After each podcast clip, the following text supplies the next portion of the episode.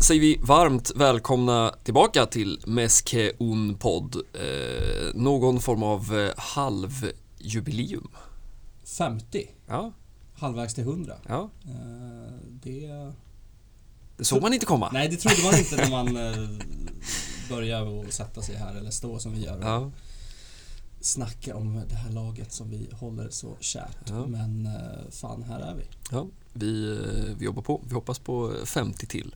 Eh, och i den här farten så, ah, vi ska väl inte säga om ett år, men, eh, Jag vet inte fan om vi vågar lova det.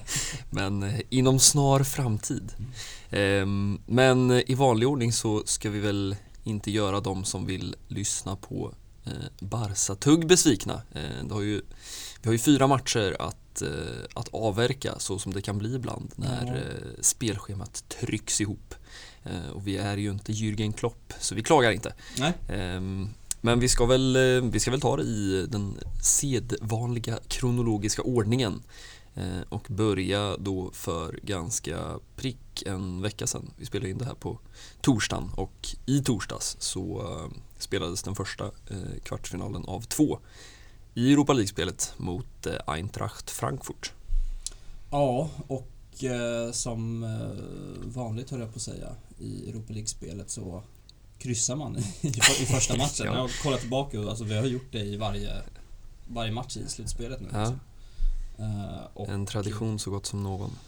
Ja, alltså det har ju gått bra hittills och det kanske inte är ett dåligt tecken. Nej. Eh, nej men 1-1 och det var väl en match som såg tillräckligt bra ut. Eh, det var ju ingen, ingen bländande fotboll, ska vi säga. Eh, och eh, men det märktes ju att eh, en spelare som Frenkie de Jong till exempel inte fanns med från startelvan.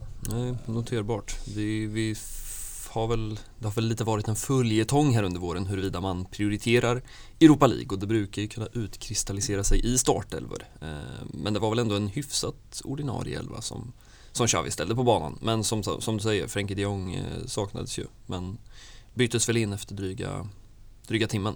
Ja, precis. Vi var ju inne på att det kommer bli någon rotation liksom. Mm. Eh, och det var väl Adama som petade Dembélé Mm. också på, på topp.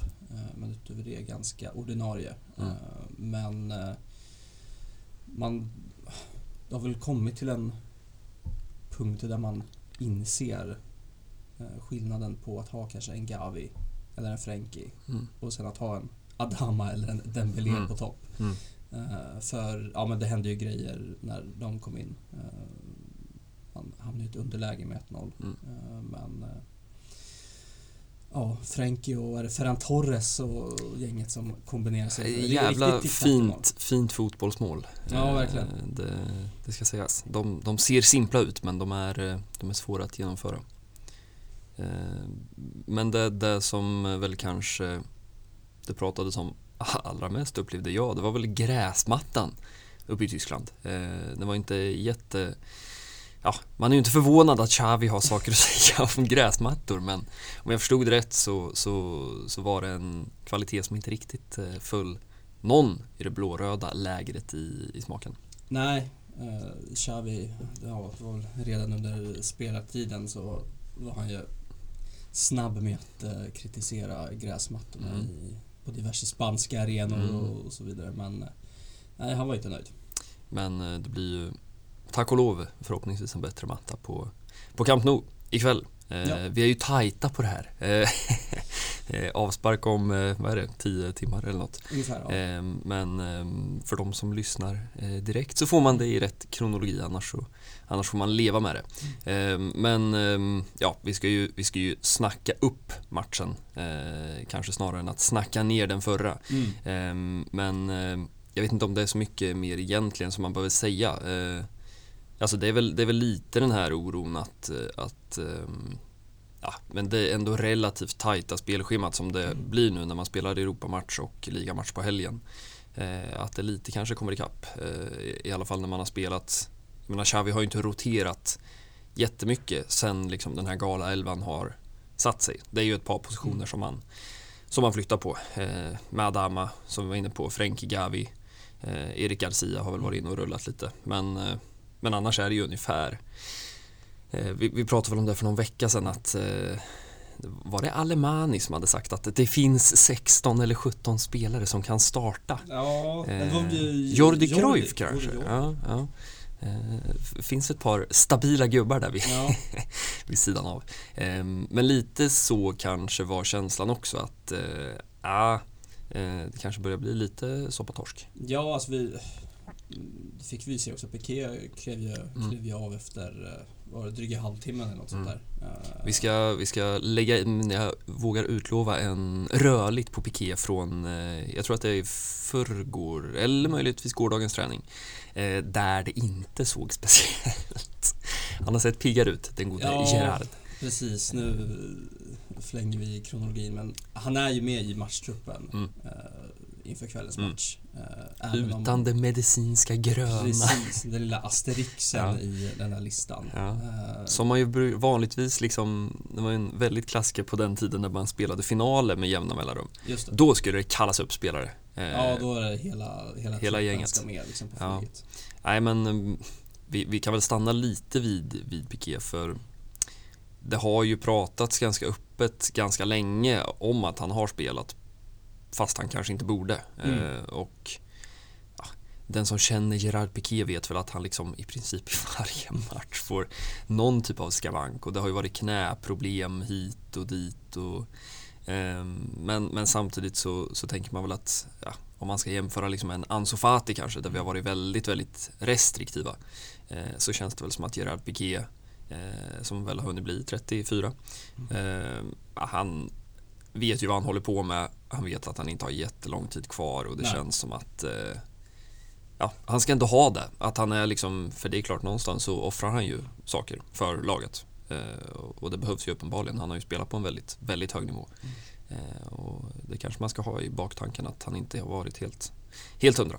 Nej, eh, och eh, nej men eh, det är ju det är en jätteskillnad i en backlinje med Piqué Mm. och utan Piqué. Mm. Det har vi ju sett nu i Levante-matchen. eh, Kanske får vara exemplet Mm. eh, just idag. Precis. Eh, Men, nej, men så är det ju och han har ju verkligen tagit den här jag vet inte, har han tagit den här lilla Carles Puyol-rollen som han... Ja, som man liksom kanske aldrig eller jag vet att jag länge har suttit och tänkt att liksom, det kommer aldrig ske för det var Nej. så tydligt att Piqué var den liksom stojiga och stökiga och, och Pep hade väl sina åsikter. Ehm, men ja, jag är beredd att, alltså det, det är väl den tydliga ledaren i dagens Barcelona. Så det, det måste man väl ändå liksom understryka. Och han är väl kanske den som ja, men, tar det säkra för det osäkra nu och så låter han eh, sin eh, mittbackskompis Araujo liksom Mm. springa och flänga på en Mm. kant och liksom bryta eller rensa. Mm. Eh, och det är ju lite, lite så det såg ut eh, med både Carles och Mm. eh, Piqué en gång i tiden. Han eh, blir väl ett år äldre eh, här i dagarna. Eh, Ja, grattis i efterskott. Ja, det får man verkligen säga. Eh, man, man saknar den jäkeln alltså. Mm. Det, det ska gudarna veta. Eh, nej men det, det var väl egentligen det som, som fanns och det var, det var väl liksom inte på något sätt en, en fotbollsmatch man kommer att eh, ta med sig fem, tio år framöver. Nej, alltså det var väl den här klassiska liksom Ja, Frankfurt med alltså jävla dra, bra Mm. drag på läktaren Mm. med all energi som Mm. de får. Fick det. beröm av Erik Garcia som tog, eh, för att återigen hoppa i kronologin, Mm. så var det han som satt och det säger väl något om hans status Mm. också. Eh, Att han får sitta bredvid Xavi på presskonferensen. Eh, Han var imponerad, du var imponerad, jag var imponerad. Ja, Och vi hade väl lite förutspått det där att ja, fast det är bra tryck där uppe. ja, verkligen och det blir ju den publikfesten och det är klart de rider ju på den vågen Mm. och så här, får de in 1-0, vilket de gör så så är det klart att det, det, det ger ju något extra. Ja. Eh, Men eh, om man ska sitta med någon form av spåkula så lär det bli annorlunda ikväll Mm. på, på Camp Nou. Det, jag, bara på tal om liksom de här bortaresorna, så om man ska ta med sig någonting eh, från den här liksom jag vet inte, den är väl vad den är den här Europa League-våren men, men eh, känslan är väl ändå att det har varit, det har ändå haft sin charm att, att liksom få åka till, till Istanbul, eh, till Neapel även om Napoli kanske är ett Champions League-lag egentligen, Mm. eh, lite beroende på. Och nu Frankfurt och, och eventuellt då, eh, det är väl då Lyon eller West Ham i en, i en semi. Eh, det är lite annorlunda upplevelser och det är ändå, jag kan ändå uppskatta det. Eh, även om man egentligen kanske brukar ha de här lagen som nummer tre i en Champions League-grupp på hösten Mm. så ja, det var lite charmigt. ja, Eller är det lätt att säga så i Nej, efterhand? men alltså det jag, jag håller med och sen är det väl fortfarande så att för de här lagen att ställas mot just Barcelona Mm. blir ju någon form av Ja, säsongens match. säsong, ja, säsongens match för, för deras del och Mm. för liksom klubb och fans och det, eh, det märks ju också. Mm. Eh, Och det, det är man inte van med. Nej, precis. Det, Eh, all, alla bortamatcher i Champions League till exempel är ju inte några jättepublikfester Nej. när man kanske går in som klar favorit och bara ska spela av det liksom. Mm. Eh, Men så känns det inte nu på samma Nej. sätt. Nej, vi får ju se om ehm, om den här eh, spännande, konstiga, knäppa upplevelsen tar slut ikväll. Mm. Eh, eller om det blir eh, ja, möjligtvis två eller tre matcher till. Eh, vi ska återkomma till, till kvällens match. Men vi måste ju skjuta in, eller måste. Vi pratar väl gärna om Ja, verkligen. helgens Ja, det är väl ett nästan understatement att säga händelserika match mot, Ja, eh, en, mot Levante. en jäkla holmgång alltså. Ja. Eh, Som inte helt oväntat. nej, det brukar ju Eh. bli så borta mot just Levante. Mm. Är, ja, jag vet inte om det är lite av ett bugg i teamet, men de brukar kunna ställa till det alltså. Mm. Eh, och eh, ja, det är någonting med den här uppgraderade arenan de har nu också. Det känns liksom det känns lite mer på allvar när, man, när man möter Levante. Ja. Eh, nej men alltså vad ska man säga? Jag vet inte om vi sa det i podden för någon vecka sedan men att Celta Vigo är det laget som man vet kan ge Mm. bort tre straffar Mm. i en match Mm. som de gjorde mot Real Madrid. Mm. Och så går Barcelona och exakt samma sak. Ja, jag noterade eh, att eh, Barca genom den här segern då blev det första La Liga-laget någonsin som vinner en match trots att man får tre straffar emot sig. Eh, det har ändå något. Ja, Eh, men då alltså, ska man ha en tysk i målet som, som räddar. Vi kanske ska börja där bakifrån. Ja, Ehm, för att eh, känslan är väl att många, inklusive vi tror jag, har lyft på ett antal ögonbryn vad gäller Marc-André Ter Stegens prestationer under hösten och även under våren. Ehm, han har ju, han opererades ju, eh, kommit tillbaka och eh, har ju inte varit sig själv. nej. Eh, Det, det får man ju ändå säga. Men, men nu kanske då frågan blir helt plötsligt. Det är lätt att vända kappan men eh, ja, kan man då gå tillbaka nu och säga att eh, nej men titta, det är klart att eh, opererar man sig och missar en tid och kommer tillbaka med en delvis ny fotbollskropp så, så tar det tid. Eh, och jag vet inte, är det någon typ av vändning som ska ske så, så kanske den skedde då i söndags. Ja, och så här, kollar man bakåt nu så eh, den svaga, känns det svaga insatsen var kanske jag vet inte, borta mot Napoli som Mm. sticker ut när han Mm. liksom springer ut och helt feltajmad och, och ger bort en straff. Ja, han har väl någon liksom boll han mer eller mindre boxar in sen som, som visserligen är bortdömd då för offside men där man känner att eh, okej, nu... Det där kunde ha gått till. ja, men, eh, men liksom momentum med den, med den straffräddningen då ska vi säga, det är ju den Ja, vi, vi verkligen. pratar pratar om i, i första hand. Eh, som ju också gör att Barca får den här fina titeln eh, som trestraffslaget som, Mm. som vann. Eh, jag tänkte bara skjuta in på tal om, om eh, målvaktssituationer eh, så har vi väl inte pratat så mycket om Iñaki Peña sen det där dubbelmötet. Han, han Ehm. fick sina 15 minutes of fame. Ja, lite så. Ehm, och det har ju diskuterats en del eh, hur det ska bli med den där andra eh, slipspositionen efter sommaren och Neto eh, det har väl till och med pratats om att Barca är redo att liksom betala ut den lön som finns Mm. kvar och, och låta honom gå. Eh, och då är väl Iñaki Peña en, en kandidat. Eh, även Maximiano i Granada har väl, Mm. har väl nämnts. Eh, Jordi Masip brukar alltid komma upp i diskussionen. Eh, den gamla tredje slipsen från eh. Luis Enrique-tiden. Eh, men det jag tänkte bara notera är att Fernando Muslera, den uruguayanska kepsen, är ju tillbaka från sin skada och Mm. eh, Iñaki Peña har inte stått eh, sedan dess. Nej. Eh, vilket ju är deppigt. Eh, Verkligen. jag hade inte riktigt uppfattat att, jag hade uppfattat det som att Muslera var i princip borta säsongen ut. Mm. Eh, Men jag vet inte om det är felaktiga läkarrapporter eller uruguayanskt stål som har gjort att han har tagit sig tillbaka. Men Iñaki Peña nöter plast i alla fall. Eh, oklart vad det innebär inför sommaren men, men eh, lite trist. Ja, den där platsen som eh, andra keeper är ju sannoliken inte lätt i någon klubb. Liksom. Men den är nog allra svårast kanske i ett Barcelona. Mm. Om, man, man har ju sina liksom, Copa del Rey-matcher. Som ju är halverade nu för tiden också ska ju sägas i och med att man har tagit bort dubbelmötena. Precis. Eh, Eh, och efter bakom det, så det finns ju inte jättemycket Nej. utrymme. Nej. Eh, och det har vi ju sett att, ja, om vi får kalla det liksom en inte halvfungerande Ter Stegen som har liksom Mm, fått ta på sig första rollen mm, sen, ja, han missade väl typ säsongsinledningen mm. två första veckorna. Ja, precis. Sen har han ju varit cementerad där, Mm. även kanske om han inte borde varit. Mm.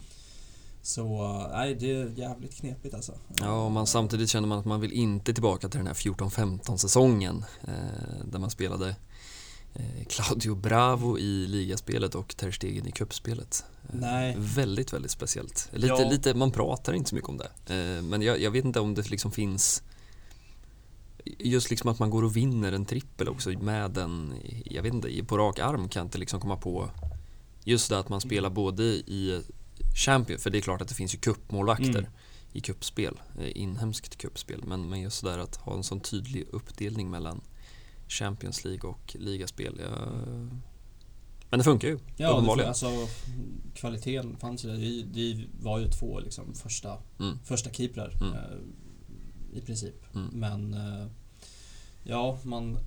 Det är alltid svårt när andra keepern är, ja men säg någon med Iñaki Peñas profil. Mm. Eh, att det är någon som ska, som har framtiden för Mm. sig och inte får speltid. Eh, det är något helt annat att ha en José Manuel Pinto som, som Ja. har uträttat sitt eh, under karriären Mm. och ska sitta där och ha sina vad kan det vara, 5, 6, 7, 8 matcher per Ja. säsong. Ja. Eh, Ja, och det, göra det helt okej. ja, nej, men det jag tänker är lite, för, för många gånger har man ju tänkt bara att men det, det, fin, det är ju ingen brist på liksom spanska habila keeprar runt 30 som skulle kunna tänka sig att sitta på den där bänken. Nej, Men samtidigt ska man ha, ha lite klart för sig att det är ju speciellt att vara målvakt i Barcelona. Eh, och jag tror att det är det som lite ställer till det också. Att, jag menar, det finns ju jättemånga duktiga målvakter. Eh, man, man har väl länge tänkt att, eller tänkt i alla fall, eh, liksom Ochoa Mm. eh, eller Kameni som alltid blev någon slags liksom super Buffon-kopior när de Ja, ställdes mot Barca. Men, men sen insåg man ju att liksom, ja, men ställ dem i Barcas mål och, och spela kortpassningsspel så blir det inte så bra. Eh, och jag tror det är det som lite försvårar i liksom rekryteringsprocessen också. Eh, men vi lär väl återkomma till det där. Men, men en, en spaning från Istanbul är att Mm. mm. Iñaki Peña eh, tyvärr då inte, inte har möjlighet, får man väl säga, att stärka sina aktier Nej. eh, på ett tag framöver. Eh, men det om, eh, om målvakterna. Eh, det hände ju en del annat i den där matchen också. Och jag vet inte om vi ska börja lite i Levante-hörnan. Man, man känner ju för dem. Vi har väl varit inne lite och liksom tassat kring den här bottenstriden igen och nu åker man på ett sent mål igen och man blir nollade och ja, det ser ju mörkt ut för Morales och, och kompani. Ja, jag kollade deras liksom hur deras säsong har varit. Mm. Så här, första ligavinsten kommer väl typ i vinter. Ja, Och man har ju bara fyra vinster den här Mm. säsongen. Eh, och sen har ja, de tre efterkommande kommit nu under, under vårsäsongen. mm. Eh, men det är ju otroligt vilket fall det har varit. ja man såg det inte riktigt komma. Nej, Eh, och, och helt ärligt så, jag menar det är klart att tittar man på, på den backlinjen, vi har väl jag vet inte varför jag pratar om Levante, det känns som vi har pratat om Levante förut. men det, det är klart, de har, vi har ju spelat, eller de har ju mötts eh, tidigare under Mm. säsongen. Men, men liksom, de har ju offensiv som är liksom absolut solklart mittenlag. Eh, sen finns det ju problem i defensiven. Mm. Men jag menar, tittar man på, på kollegorna där nere där det är, ja på tal om Cadiz då som, som vi ska prata lite mer om sen och, Mm. och Mallorca och Alaves och, och um, ja det, det är väl något, eh, ja Granada ska väl kanske inte he- heller vara där riktigt. nej. Ehm, så, så um, ja, man, man eh, har lite svårt att, att förstå exakt vad som har kunnat gå så fel. Ja, de är väl inne på det, tränare nummer tre. Mm. Vilket för- brukar för vara ett ganska bra eh, tecken på vart man befinner sig. Ja, det har väl inte hjälpt eller ja, bidragit till någon stabilitet. Nej, om man värvar in liksom Martin Cáceres i, i januari för att Ja, stabilisera det där försvaret. Det säger också en del om, om en del. Mm.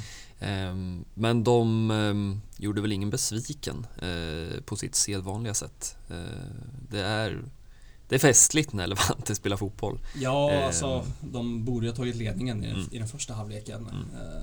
Eh, El Comandante Morales med en...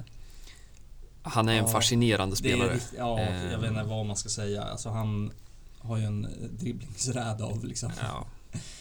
Guds nåde. Ja, jag vet, inte, det, är, det är inte många spelare, jag vet inte om man ska liksom på rak arm sådär, andra liksom La Liga-spelare som man verkligen, jag har alltid haft en svag eh, soft spot för Dani Parejo. Mm. Eh, men El Comandante är ju där uppe.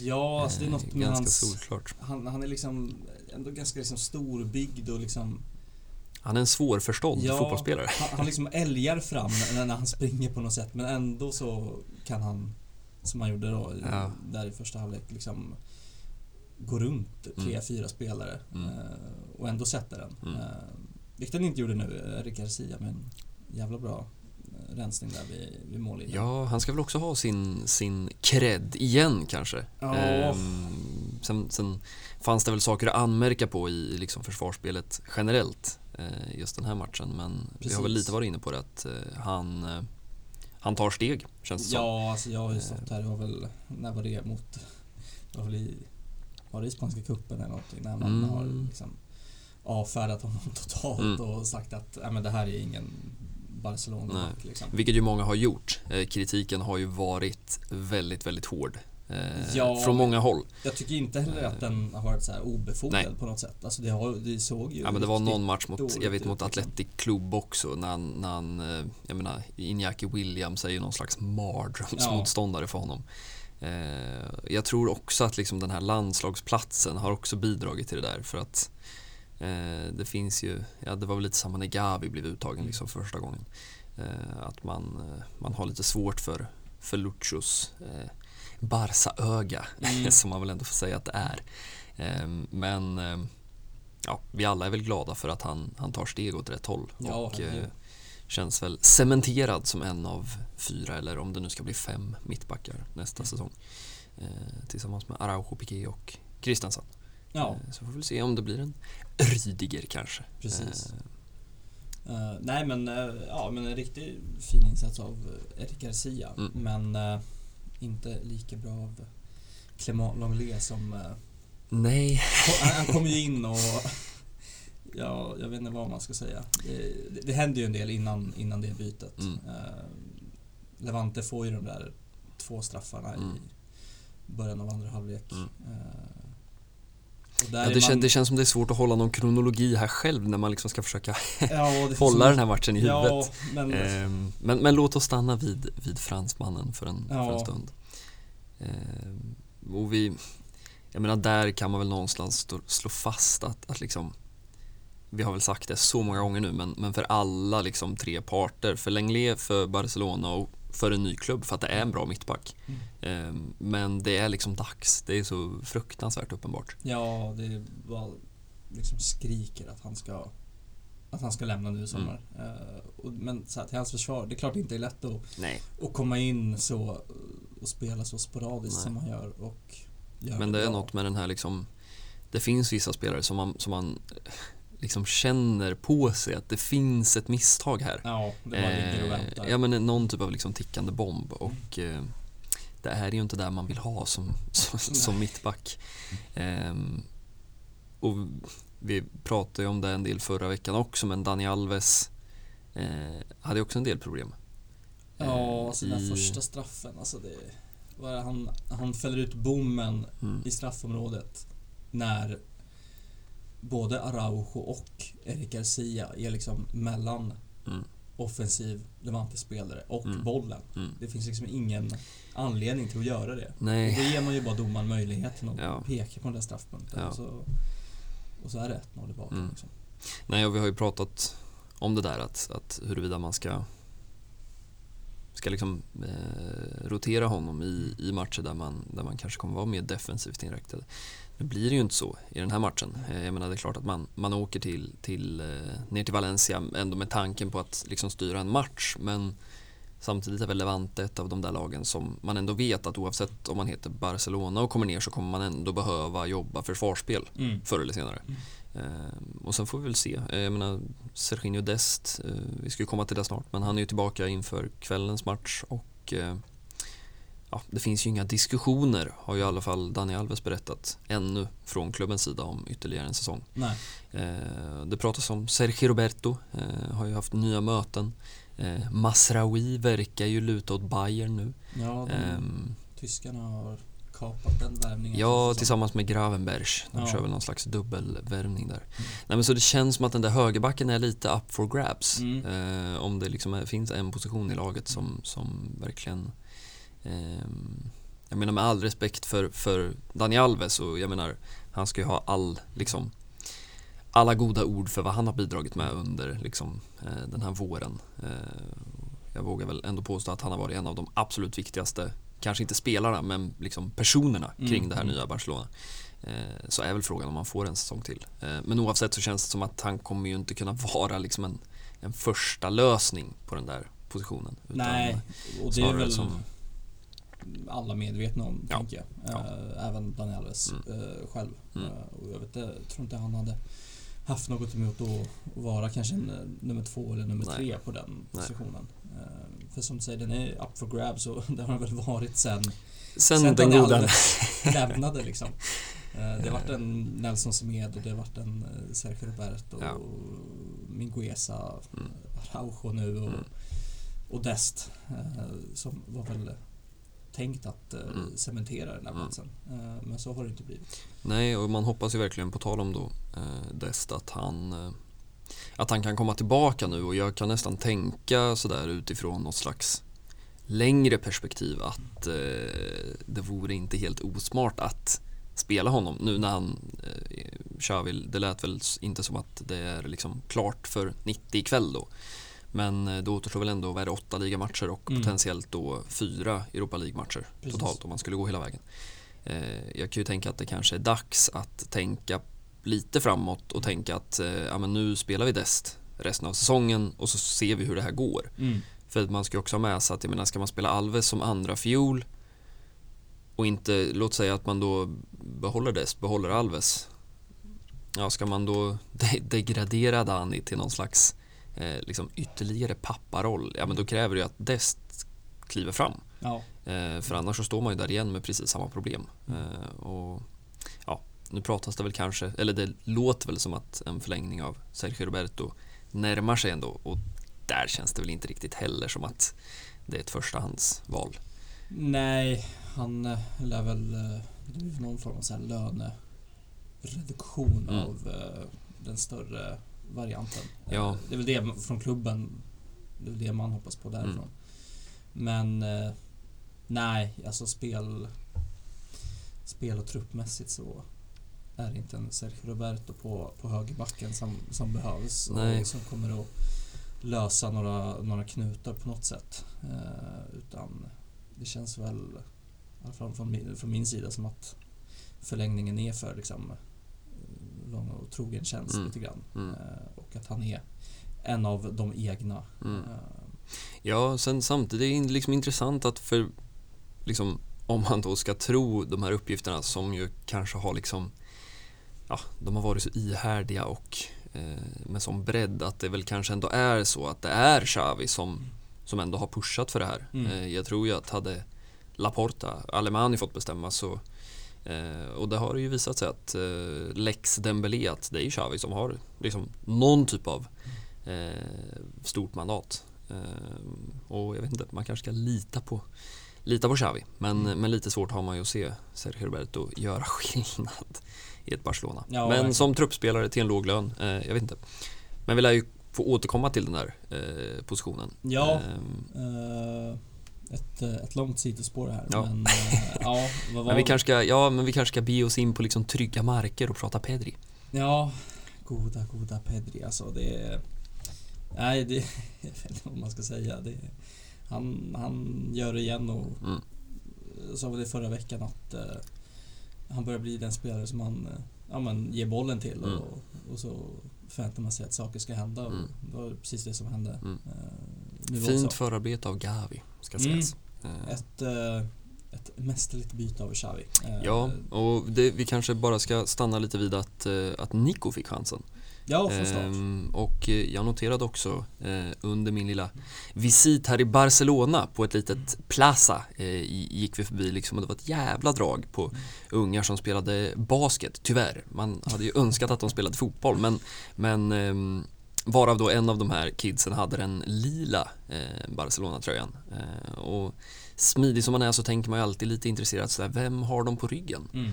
Och eh, liksom se min förvåning när det är Nico med 28 på ryggen. Det kan inte säljas många sådana tröjor. Eh, bland kidsen tänker jag. nej, Eh, men det värmde lite i hjärtat. Eh, men med det sagt så kanske han inte hade sin livs bästa match eh, mot Levante. Även om jag noterade att Xavi gick ut och, och försvarade honom nu eh, så var det väl ganska tydligt att det där dubbelbytet förändrade ju matchbilden. Ja, verkligen. Eh, men. Inte jättelätt när Nej. hela laget inte alls presterade Nej. under den tiden han, han var inne. Eh, men ja, han hade det svårt och Mm. det var väl något med med just den där mittfältstrion eh, Busquets, Frenkie och Nico att Mm. det saknas någon form av dynamik. Mm. Eh, Ja, att det känns både som att de är lite lika Ja, varandra alla tre på något verkligen. sätt. Eh, Ja, man behöver en av, av eh, Pedri eller Gavi. Eller Ricky Push, Eller ska väl sägas. Alltså om vi pratar liksom profiler. Ja, nej, men eh, de på som går fram och kan bryta linjerna liksom. Eh, på det sättet. Mm. Eh, nej, men en riktig scenförändring när Gavi och, och Pedri kommer in Mm. och eh, det tar inte alls lång tid innan han gör det där 2-1 målet. Mm. Eh, och, eh, men, men vad hjälpte det? Nej, det, Där och då när...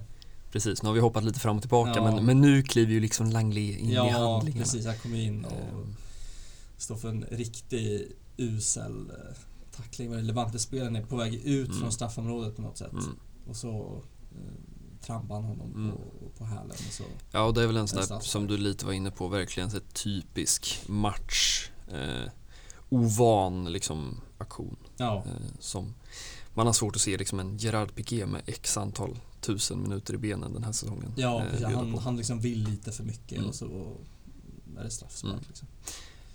Men vad spelar det för roll om man har Superluc de Jong? Denna, jag, vet, jag vet inte riktigt. eh, Det är lite på samma sätt som man saknar ord för Pedri. Så Ja, börjar man liksom sakna ord för eh, Luc de Jong.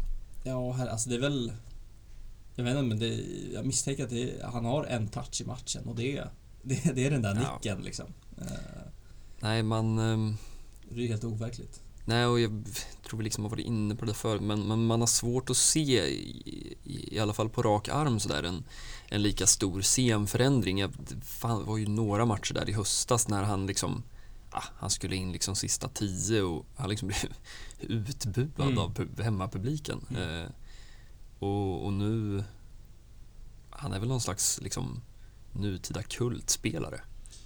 Ja, men alltså... Som också levererar. Alltså Ja, det ska man ju säga. Alltså kultspelare kan ju vara, jag kan tycka att det där är lite problematiskt ibland att det nästan blir liksom ironi över sånt där. Mm. Men, men man ska ha klart för sig att jag menar utan Luc de Jongs mål så det finns ju ingen CL-plats att prata om. Nej, nej. Så är det ju. Ja, han har, hans mål har liksom gett åtta poäng, Mm. liksom, bara dem. Mm. Uh, och har vi har liksom...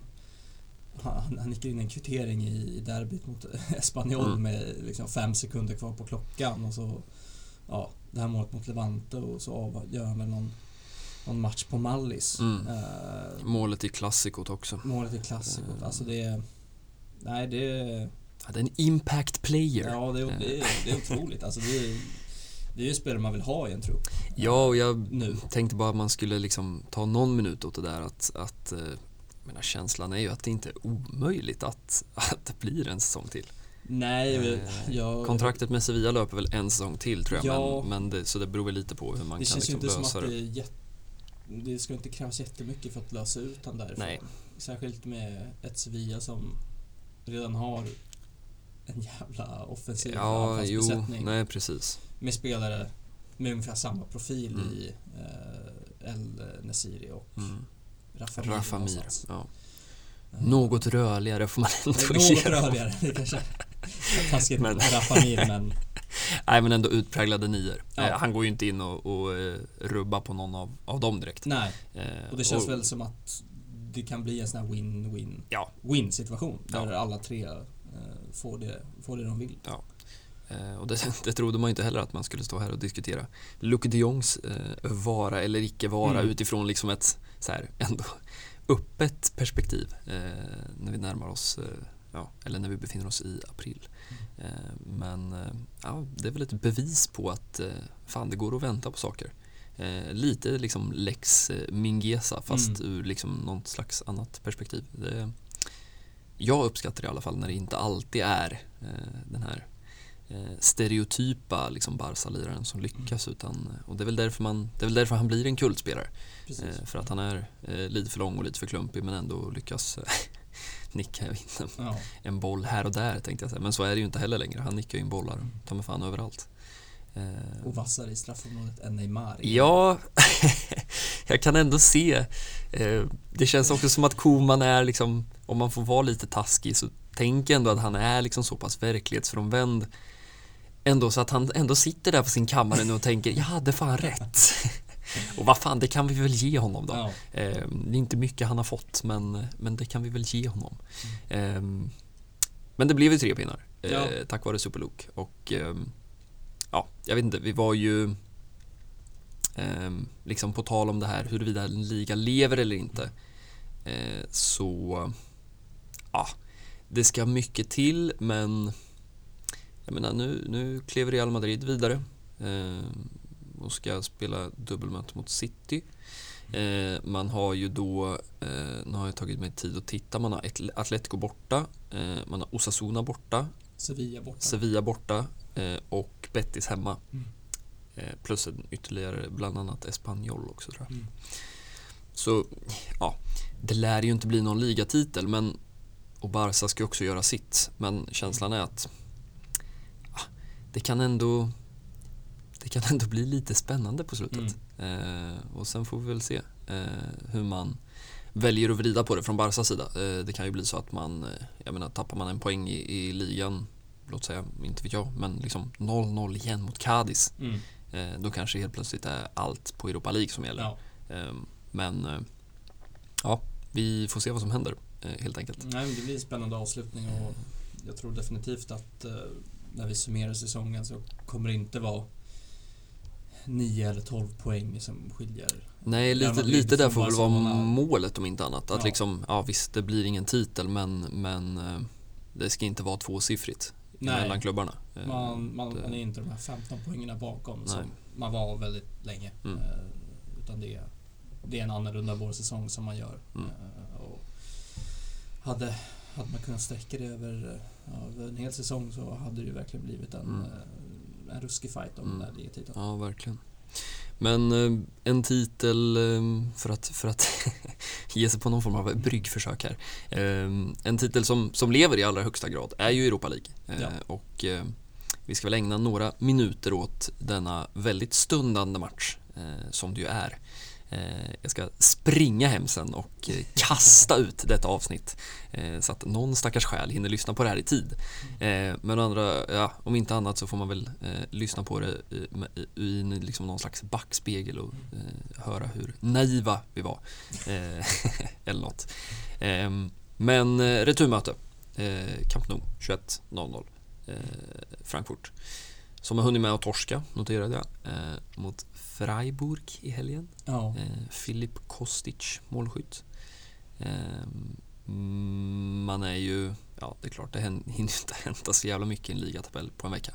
Eh, fortfarande mittenlag. Eh, men lite som du var inne på eh, så är väl känslan att det kommer att bli en annan match eh, på Camp Nou. Eh, sen vet man ju att tidiga mål kan ju ändra på saker. Men ja, det lär ju inte bli ett liksom Espanyol eller Getafe lågt försvarsspel. Nej. Men, men eh, känslan är väl ändå att eh, Barca lär få mer kontroll på matchen eh, än uppe i, i Tyskland. Ja, och särskilt med efter det där kvitteringsmålet Mm. eh, och att man går in med förutsättningen att Frankfurt måste vinna Mm. för att gå vidare. Mm. Eh, visst, de kan ju kryssa sig till en förlängning och Mm. så vidare. Men att de måste gå vinnande ur den här striden på Mm. något sätt känns... Eh, ah, jag vet inte om man riktigt se, kan se det hända liksom. Eh, Nej, och eh, samtidigt, jag menar man ska inte man ska inte säga för mycket heller. Men det är klart att Barca är stora, stora favoriter. Ja, Eh, så nej, är det jag, bara. Det- Alltså man, det är klart man är lite orolig. Eh, Deras tränare sa på presskonferensen att de har blivit inspirerade av Villarreal som Mm. eh, ni alla vet där ute slog ut eh, Bayern München. Och återigen ska jag stå här och pudla om, Ja, om den gode Unai Emery. Eh, men eh, fan, som man unnar honom och eh, Villarreal det där. verkligen, verkligen. Eh, det ska sägas. Men, ja, Frankfurt behöver ju inte göra samma sak. Nej, det, för den jag sakens skull. ja, jag känner också det. Det, det är väl, vore väl onödigt om det skulle hända. Ja. Men ja, alltså den här matchen kan man ju se lite i kombination med just Cadiz på hemmaplan. Mm. Att det, det ligamötet kanske blir någon form av så rotation. Mm. Eh, det är ju ett svagare lag. Mm. eh, som man Ja, men nu, ja, för återigen blir det ju spännande. Liksom just där att se vi, ham- vi hamnar ofta här att det är så här. Ja men hur ska man, hur ska man liksom prioritera och det säger väl något i med att vi står här varje vecka och funderar på det att man inte riktigt har förstått det än. Nej, Eh, alltså vad är prio? Och det kanske är för att det finns ingen riktig prio. Man, man tar det vecka för vecka liksom. Eh, för det har ju inte varit så att det har varit övertydligt att i Europa League så roterar vi och i ligan så spelar vi liksom eh, det absolut stark. Det, det har ju liksom inte varit känslan. Eh, sen har det ju gått liksom vägen ändå. Man har ju liksom i princip inte gått på en enda mina. Ehm, även om man liksom har haft det tufft i vissa Europa League-matcher så Mm. har man ju liksom löst dubbelmöten. Ehm, men med det sagt så, ja, jag är nog också inne lite på din linje att vi lär nog få se kanske ett lite starkare lag mot Frankfurt för att se eh, lite mer rotation mot, mot Cadiz. Eh, men eh, vi noterar väl återigen att Dani Alves inte är registrerad. Precis. Eh, vilket man ju så här i efterhand, det var ju inte lätt att veta då, men, men ja, att Serginho Dest skulle gå sönder och att Sergio Roberto var sönder visste man ju. Men, men man tänkte ju att vi måste ha med en Adama Traoré Mm. i den här truppen. Mm. Idag vet det fasen om man inte hade valt Dani före Adama Traoré i något slags liksom, taktiskt truppbyggesval inför Europa League-spelet. Ja, Ehm, Men med det sagt så ska ju den där backlinjen lösas och eh, jag vet inte, jag skrev ju inför-rapport igår och satt och funderade och ehm, ja, så länge det inte blir någon piké så har man ju faktiskt ja, det är ju någon typ av ny lösning som måste till. Ehm, och de alternativen som finns förutsatt att Dest faktiskt inte kan spela det är väl egentligen antingen att man spelar Clément Langlais och Garcia som mittbackspar och spelar Araujo till höger mm. eller att man då spelar Araujo och Garcia som mittbackspar och Mingueza till höger. Mm. Eh, och eh, Apropå spelare som inte har fått ja, speltid och så kliva in. nej men så att det är ju liksom Jag vet inte. Ehm, jag satte upp Mingueza till slut men nu när jag står här så tänker jag att fan det kanske ändå blir Langlais ändå. Mm. Eh, jag vet inte. Men det känns ju liksom inte som att det är två helgjutna alternativ Nej, direkt utan det är väl ett klart frågetecken oavsett hur, man, hur man löser det. Mm. Eh, och i övrigt så det är väl det där mittfältet i vanlig ordning. Nu har ju du berättat här för Xavi hur han ska tänka i liksom profilval. Eh, Ja. Och det blir intressant att se eh, vilka som får speltid där. precis. Eh. Eh, Pedri kommer väl gå in i elvan efter Mm. att ha vilat i, ja, han kommer väl in med, med 30 minuter kvar mot uh, Levante. Mm. Eh, och Busquets, Busquets är Busquets, han, Ja, han ångar på. han, han hänger på, han kommer ju vara där. Eh, och då är ju frågan, alltså vill man ha mer kontroll på spelet så är det ju en de Jong Mm. man ska ha och Mm. han har ju sett bra ut också. Eh, särskilt med tanke på just eh, det här första mötet Mm. eh, när han kommer in och liksom styr upp det hela och Ja, är högst inblandad i, i Ferrans eh, 1-1 mål. Mm. Så Ja, men det känns... jag tror de Jong kommer ja, kliva in jag och skulle ta säga den. 60-40 de Jong Mm. mot, mot Gavi. Mm. Och Och på Ja. topp har vi väl inga frågetecken. Det är väl eh, Nej, det känns väl väldigt... det är Ghana-trion. Ja, eh, det får man väl ändå... Hur mycket man än vill se Luke från start så... så eh, nej, han får komma in när det behövs. Eh, ja, men det känns väl som att det är lite är, är elvan. Eh, och som sagt, det ligger en semifinalplats i potten mot antingen West Ham eller Lyon och det hade ju varit liksom helt klart matcher på en annan nivå får man väl ändå kosta på sig att säga. Eh, det är väl två, eh, ja, inte betydligt starkare lag ska man väl inte säga, men starkare lag än Frankfurt. Ja, Eh, absolut. Och potentiellt roliga dubbelmöten. Jag hade gärna åkt till, till eh, London. Ja, London Stadium där. Det trodde man inte att man skulle ställa West Ham en säsong som denna. Nej, för Lyon, det är väl... Lyon, det är klart man springer på lite då och då, Ja, liksom. för det är ju den... Det var ju när de hade liksom, ja nu är väl en Dombele tillbaka men det var, det var väl även Ferland Mendy på den tiden. Jag vet inte, är det 18-19 Ja. eller? Eh, Messi springer väl in ett par bollar där. Eh, Så om man får önska kanske man ändå... eh, Om man får önska från två håll så, så vill man väl i alla fall ha Barca West Ham i en, i en semi. Det hade varit något. Eh, Men då ska man, då ska man lösa det. Eh, Och det ska man ju säga, precis som Frankfurt måste vinna så måste ju Barca vinna. Ja, Eh, Men eh, ja, det, det känns ändå optimistiskt ja på, på förhand. Fullt, fullt eh, möjligt. Och förväntningarna ska ju inte vara något annat än en seger. Och eh, en titel är väl alltjämt en förbannad titel. Ja, och om vi står här och tänker på vad, vad man prioriterar så kanske den här ovissheten också säger något om att det är två, två race som man Mm. vill liksom eh, vara med i. Mm. Eh, hade man ställt ut något riktigt reservbetonat gäng från början i Europa League Mm. så ja, då si- signalen är rätt tydlig. Ja, Eh, precis. Men eh, ovissheten säger väl en del om, om kanske dess eh, betydelse ändå. Mm. Den här säsongen. Och race nummer två då eh, ska ju också avhandlas innan vi står här igen nästa gång. Eh, måndag kväll, eh, vilket ju är ehm, ja, det känns som att man har hamnat i någon slags spelschemafundering. Eh, Ja. Jag vet inte hur jäkla kul det där är, men man är ju tacksam för att ett torsdagsgäng får en måndagsmatch. Verkligen. Så kan man i alla fall säga. Eh, sen ska jag vara ärlig och säga att jag inte vet om det då är så att eh, semifinalerna spelas redan nästa vecka. Eh, för då, då är ju det lite tajt. Ja, nej, Å andra sidan. Det, det tror jag de inte gör för Sen är det mitt, match mitt i veckan mhm. eh, på torsdag. Mot, fan. borta mot La Real. Oh. Så Ja, måndag det mot Cadiz och torsdag mot La Real. Ja, okej, okej, okej. Eh, Men då kan- man väl oavsett eh, slå fast att den där Cadiz-matchen känns som en lite rotationsmatch. Ja, verkligen. Särskilt om Mm. vi blickar fram mot, eh, mot eh, torsdag. Ja, precis. Eh, så är det en match där vi ja, kan få se en eh, Adama Traoré. Mm. Eh, kanske inte en Luke de Jong, men en, Ja, en Memphis Depay från start. Ja, precis. Eh, Dani Alves lär kliva in. Dani Alves lär kliva in. Gavi, Nico möjligtvis Gonzalez. även Nico ja. Eh, Om man ska försöka vila Busquets då Mm. kanske. Eh, Jag har ju tjatat om det där länge, att jag vill se Nico i den där pivoterrollen. eh, Snarare än Frenkie de Jong som väl oftast får spela där. Mm. Eh, Känns väl som en bra match för Serginho Dest att sätta igång. Eh, Man lär ju inte riska Piqué direkt. Eh, Sen, jag vet inte om man vill ha... Vill man passa på att vila evighetsmannen Jordi Alba?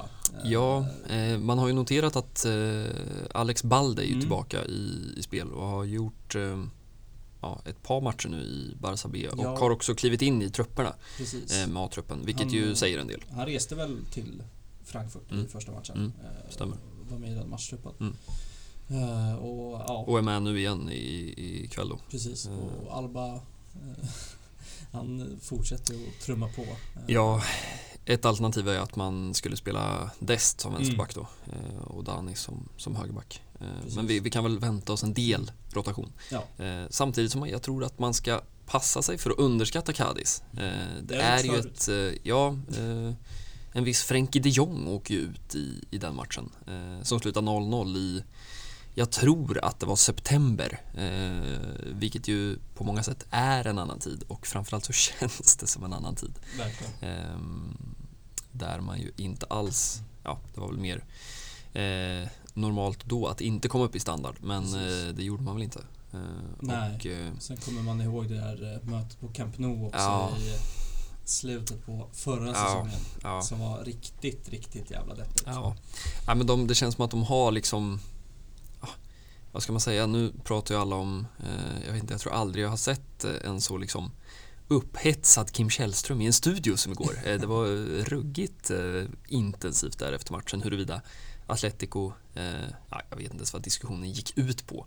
Men vad jag tänkte säga var att Cadiz på vissa sätt kanske känns som ett mikro-Atleti. Mm. Eh, att man är skickliga på att veta. Sen har man ju kanske till skillnad då från Atletico som kanske inte egentligen har begränsningar. Så har väl Cadiz väldigt många begränsningar. Mm. Men, men samtidigt så, ja, de tar ju sina poäng och det är ju jäkligt imponerande. Ehm, men, men med det sagt liksom, så de, de vet ju vad de ger sig in på när de åker till Camp Nou. Eh, Verkligen. och de kommer inte lämna något åt slumpen. Och så finns Negredo och Lucas Perez på topp. Eh, Negredo alltså. Ja, alltså, han förlängde ytterligare ett år här i, för några, några veckor sedan tror jag. Ehm, ja, det är ett, det är ett eh, jäkla anfallspar. Ehm, och så har vi ju Choco Lozano, den gamla Barça B-anfallaren som väl ändå har stängt in några bollar. Han gjorde ju något hattrick, jag vet inte om det var innan jul till och med, där man kände att oj. Eh, och så ska jag väl ändå nämna Fali på mitten. Eh, för de som den obskyra lilla skara som följde Barça B under liksom typ 16-17 eh, kommer ihåg den där ofattbara brunkaren. Det var liksom Sergio Busquets antites på ett Ja, mittfält. men det behövdes väl där i Segunda B-fotbollen. Mm. Sprang fram och jag vet inte, någon slags spansk Gustav Svensson. Glidtacklade ner småkidsen. Ja. Lite så. Ehm, nej men det, det känns väl som att det största, liksom, den största risken är underskattningen. ja. Eh, jag menar, Cadiz på Camp Nou, det är en match som ska vara tre poäng så Mm. oerhört tydligt. Ehm, men, ja, men man ska inte ta något för givet. Eh, känns som man har lärt sig det vid det här laget. Ehm, men eh, det känns väl som att allt annat än liksom avancemang och tre pinnar eh, i ligaspelet är eh, en besvikelse.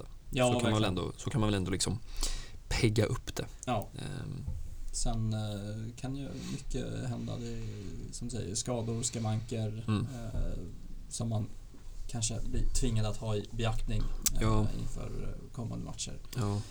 Eh, men det känns ändå som att truppen är på ganska bra plats eh, Mm.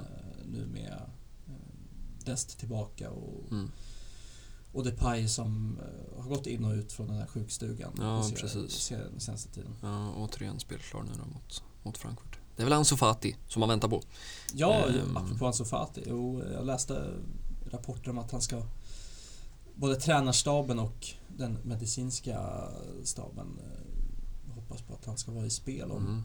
Om två veckor. Ja, Eh. det... Ja, vad fan. Man-. Ja, men man vill ändå se några minuter i, Ja. i Barca-tröjan innan säsongen är över. Eh, även om det ska gå i, i sin väldigt lugna takt och fart. Eh, jag noterade också att Laporta jag vet inte om han, det har liksom, han har begått liksom inflation på sig själv i media känns det som. Jag, jag vet inte hur liksom många intervjuer han gör i veckan men eh, han, han hade väl fått frågan eh, liksom ungefär sådär att hur, eh, hur blir det nu då med, med den här stjärnan? Liksom, vem, vem ska ni plocka in? Och han sa att eh, det finns redan en stjärna här i laget och han heter Ansu Fati. Mm. Eh, och eh, ja, vi får väl se. Lite kalla fötter på... Ja, eh, jag vet inte och, och jag tänkte på tal om, om det där med stjärnan så, så kanske vi ska runda av den här veckan eh, med att eh, prata lite Robert Lewandowski. Just. Eh, för att eh, det kom ju, vilket man gillar, att det kom polska Ja. uppgifter om, att, eh, om att den gode Levan liksom ska föredra Barca. Eh, och sen kom det liksom dementier omgående. Eh, och eh, det känns som att alla, liksom från Fabrizio Romano till Matteo Moretto till den här eh, tyska bildjournalisten som brukar ha bra koll. Alla har liksom haft lite olika uppgifter. Mm. Vilket ju brukar tyda på att ingen vet någonting egentligen. Nej. och sen ska man väl kanske då lägga till ett, ett Champions League-debacle i, i, mm, här i dagarna då. Ja, precis. Vi har ett liksom, kontrakt som löper ut sommaren 2023. Enligt Oliver Kahn så ska man ju då sätta sig ner med jag tror att det är Neuer och Mm. Thomas Müller också som, som, och Levan som alla tre sitter på ja, liksom ett år kvar. Eh, så det är lite sådär förläng eller sälj Ja. typ. Eh, Noterade att Kahn var ute och sa att eh, det verkar som att det är en tävling om vem som kan ljuga mest angående de här uppgifterna om att Lewandowski ska lämna. Ja. Så de är rätt tydliga i sin kommunikation Ja. om, eh, om vilken tröja han har på sig nästa säsong. Ja, om det är lite samma där med liksom de här summorna som har Alltså det har ju rapporterats från liksom 30 miljoner till liksom sanslösaste 80 miljoner. Mm. Eh, och jag menar visst kun- kunde man sälja en liksom Ronaldo som väl då var, vadå, 33, 34 eh, för dryga miljarden så alltså ja visst, kanske, jag vet inte. Eh, men det känns ju som att eh, ja, jag vet inte, men 20, 30, 40 är väl någonstans där man kan tänka sig att lägga sig från liksom en köpares sida. Mm. Sen förstår man ju att Bayern vill, liksom, om det nu kommer till den punkten, att de vill ha så mycket som möjligt. Men eh, ja, det, jag vet inte. Vi har, ju, vi har ju vidrört honom en del, även om det känns som att man har pratat mycket Haaland och Mm. kanske även en del Kylian Mbappé. Ehm, men eh, jag vet inte, det finns ju inga riktiga garantier för att en Lewandowski fungerar i Barca. Det är ju en annorlunda speltyp liksom även kontra Aubameyang eh, och framförallt kontra liksom en Ansu Fati eller en Ferran Torres som också har varit där och, och spelat liksom. Ehm, Precis. samtidigt som det är liksom en av världens absolut bästa fotbollsspelare. Så att, eh, Ja, så han känns väl som någon målgaranti ja, i sig, men så är det ju liksom. Han är väl vad är det, 33 och Mm, han eh, siktar väl på något så här två till tre års kontrakt. Mm. Eh, Men att komma till en, en ny klubb, en ny fotbollskultur. eh, ett nytt språk. Ett nytt språk. Sen ska man ha med sig, jag menar det är ju Jag kan också tycka att han blir lite ibland eh, Just för att jag tror att man ofta väl, i alla fall nu för tiden jämför honom och Karim Benzema så är ju Benzema så oerhört skicklig i liksom det öppna spelet Mm. som folk gillar och den term som folk gillar. Eh, men Lewandowski är ju också en skicklig fotbollsspelare. Eh, jag kan tycka att ibland så får man det att låta som att han är liksom eh, inte vet jag, Pippo Inzaghi ungefär. Mm. Eh, men riktigt så är det ju inte. Mm. Eh, vilket man gärna vill ha i Barca, en forward som är rörlig, som kan delta. Eh, men eh, Ja, jag vet inte. Vi, vi lär ju, om det är någonting vi lär återkomma till framöver, eh, det kan vi väl till och med liksom utlova eh, med pris på våra huvuden, så är det väl den där anfallsvärvningen oavsett hur mycket Laporta pratar om Ansu Fati. Eh, Han lär också göra några intervjuer till. Och det senaste nu om Haaland verkar väl vara att City kliver all in. Samtidigt som Real Madrid kanske kliver all in också eftersom man inte lyckas lösa Mbappé. Mm. Eh, ja, vi har en eh, jag vet inte vad som blir värst, liksom, det svenska valet i höst eller den, den internationella transfermarknaden. Ja. Eh, två cirkusar i, eh, inom, eh, ja, på varandra kan man väl säga. Eh, men jag vet inte, någon slags hiss eller, eller diss på, På, Le, på Levan alltså. ja, på Levan. Eh, på den svenska valrörelsen. jag tänkte det ska bli stor politik. Ja, det hade, hade varit problematiskt. Uh, Nja, diss säger jag. Ja. Ja, jag, jag är nog... ehm, Ja, den är, den är ju taskig också för man vill ju gärna kunna bre ut ett svar. Men eh, Nej men för mig är det så här, ah, alltså man har ju man har, man har skeppat stjärnanfallare, mm, PGA-ålder Mm. förut. mm, Och att plocka in en som visserligen fortfarande levererar, Mm. men som börjar pusha 34-35. Mm. är ju inte den långsiktiga värvningen som Nej. man behöver och som klubben någonstans måste gå för. nej, om man Eh, tänker det lär ju finnas, precis som du säger, det här med... Ja, det är klart att Lewandowski vill ju skriva ett sista bra avtal. Mm. Eh, och han har väl lyckats hamna lite i skarven, att han har hamnat lite fel. Han borde ju ha haft ett utgående kontrakt när han var Precis. 31 eller 32 för då hade han ju kunnat skriva ett långt kontrakt till. Mm. Nu blir det svårt. Mm. Eh, och Bayern München, om några, har väl gjort sig liksom kända för att dels ha en låg liksom, löne... Ja, vad ska man kalla det? Inte låg lönebudget, men, men att man inte har låtit lönerna liksom skjuta i höjden på individuella spelare och att man har varit restriktiva med att ge liksom långa kontrakt till spelare som kommer upp i ålder.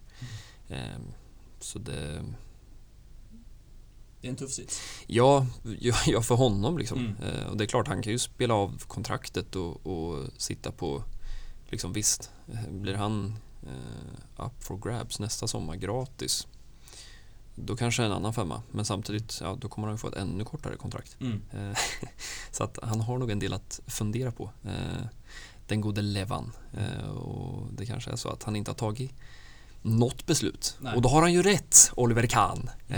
Vi får väl se hur, hur det utspelar sig framöver. Både på och utanför planen. Men vi säger väl helt enkelt så att för er som lyssnar i god tid så eh, säger vi eh, ikväll, torsdag 21. Och för er som lyssnar i lite mindre god tid. Men det är ändå vi som tar på oss det. Ja, Så, så, eh, så vi är inte Ronald Koeman i vår eh, medvetenhet om oss själva. Men om Nej. inte annat så säger vi måndag 21.00. Och vi är tillbaka någon gång under nästa vecka. Förhoppningsvis innan torsdag absolut. 21.00. Eller? Stämmer. På återseende. Ciao! Hej!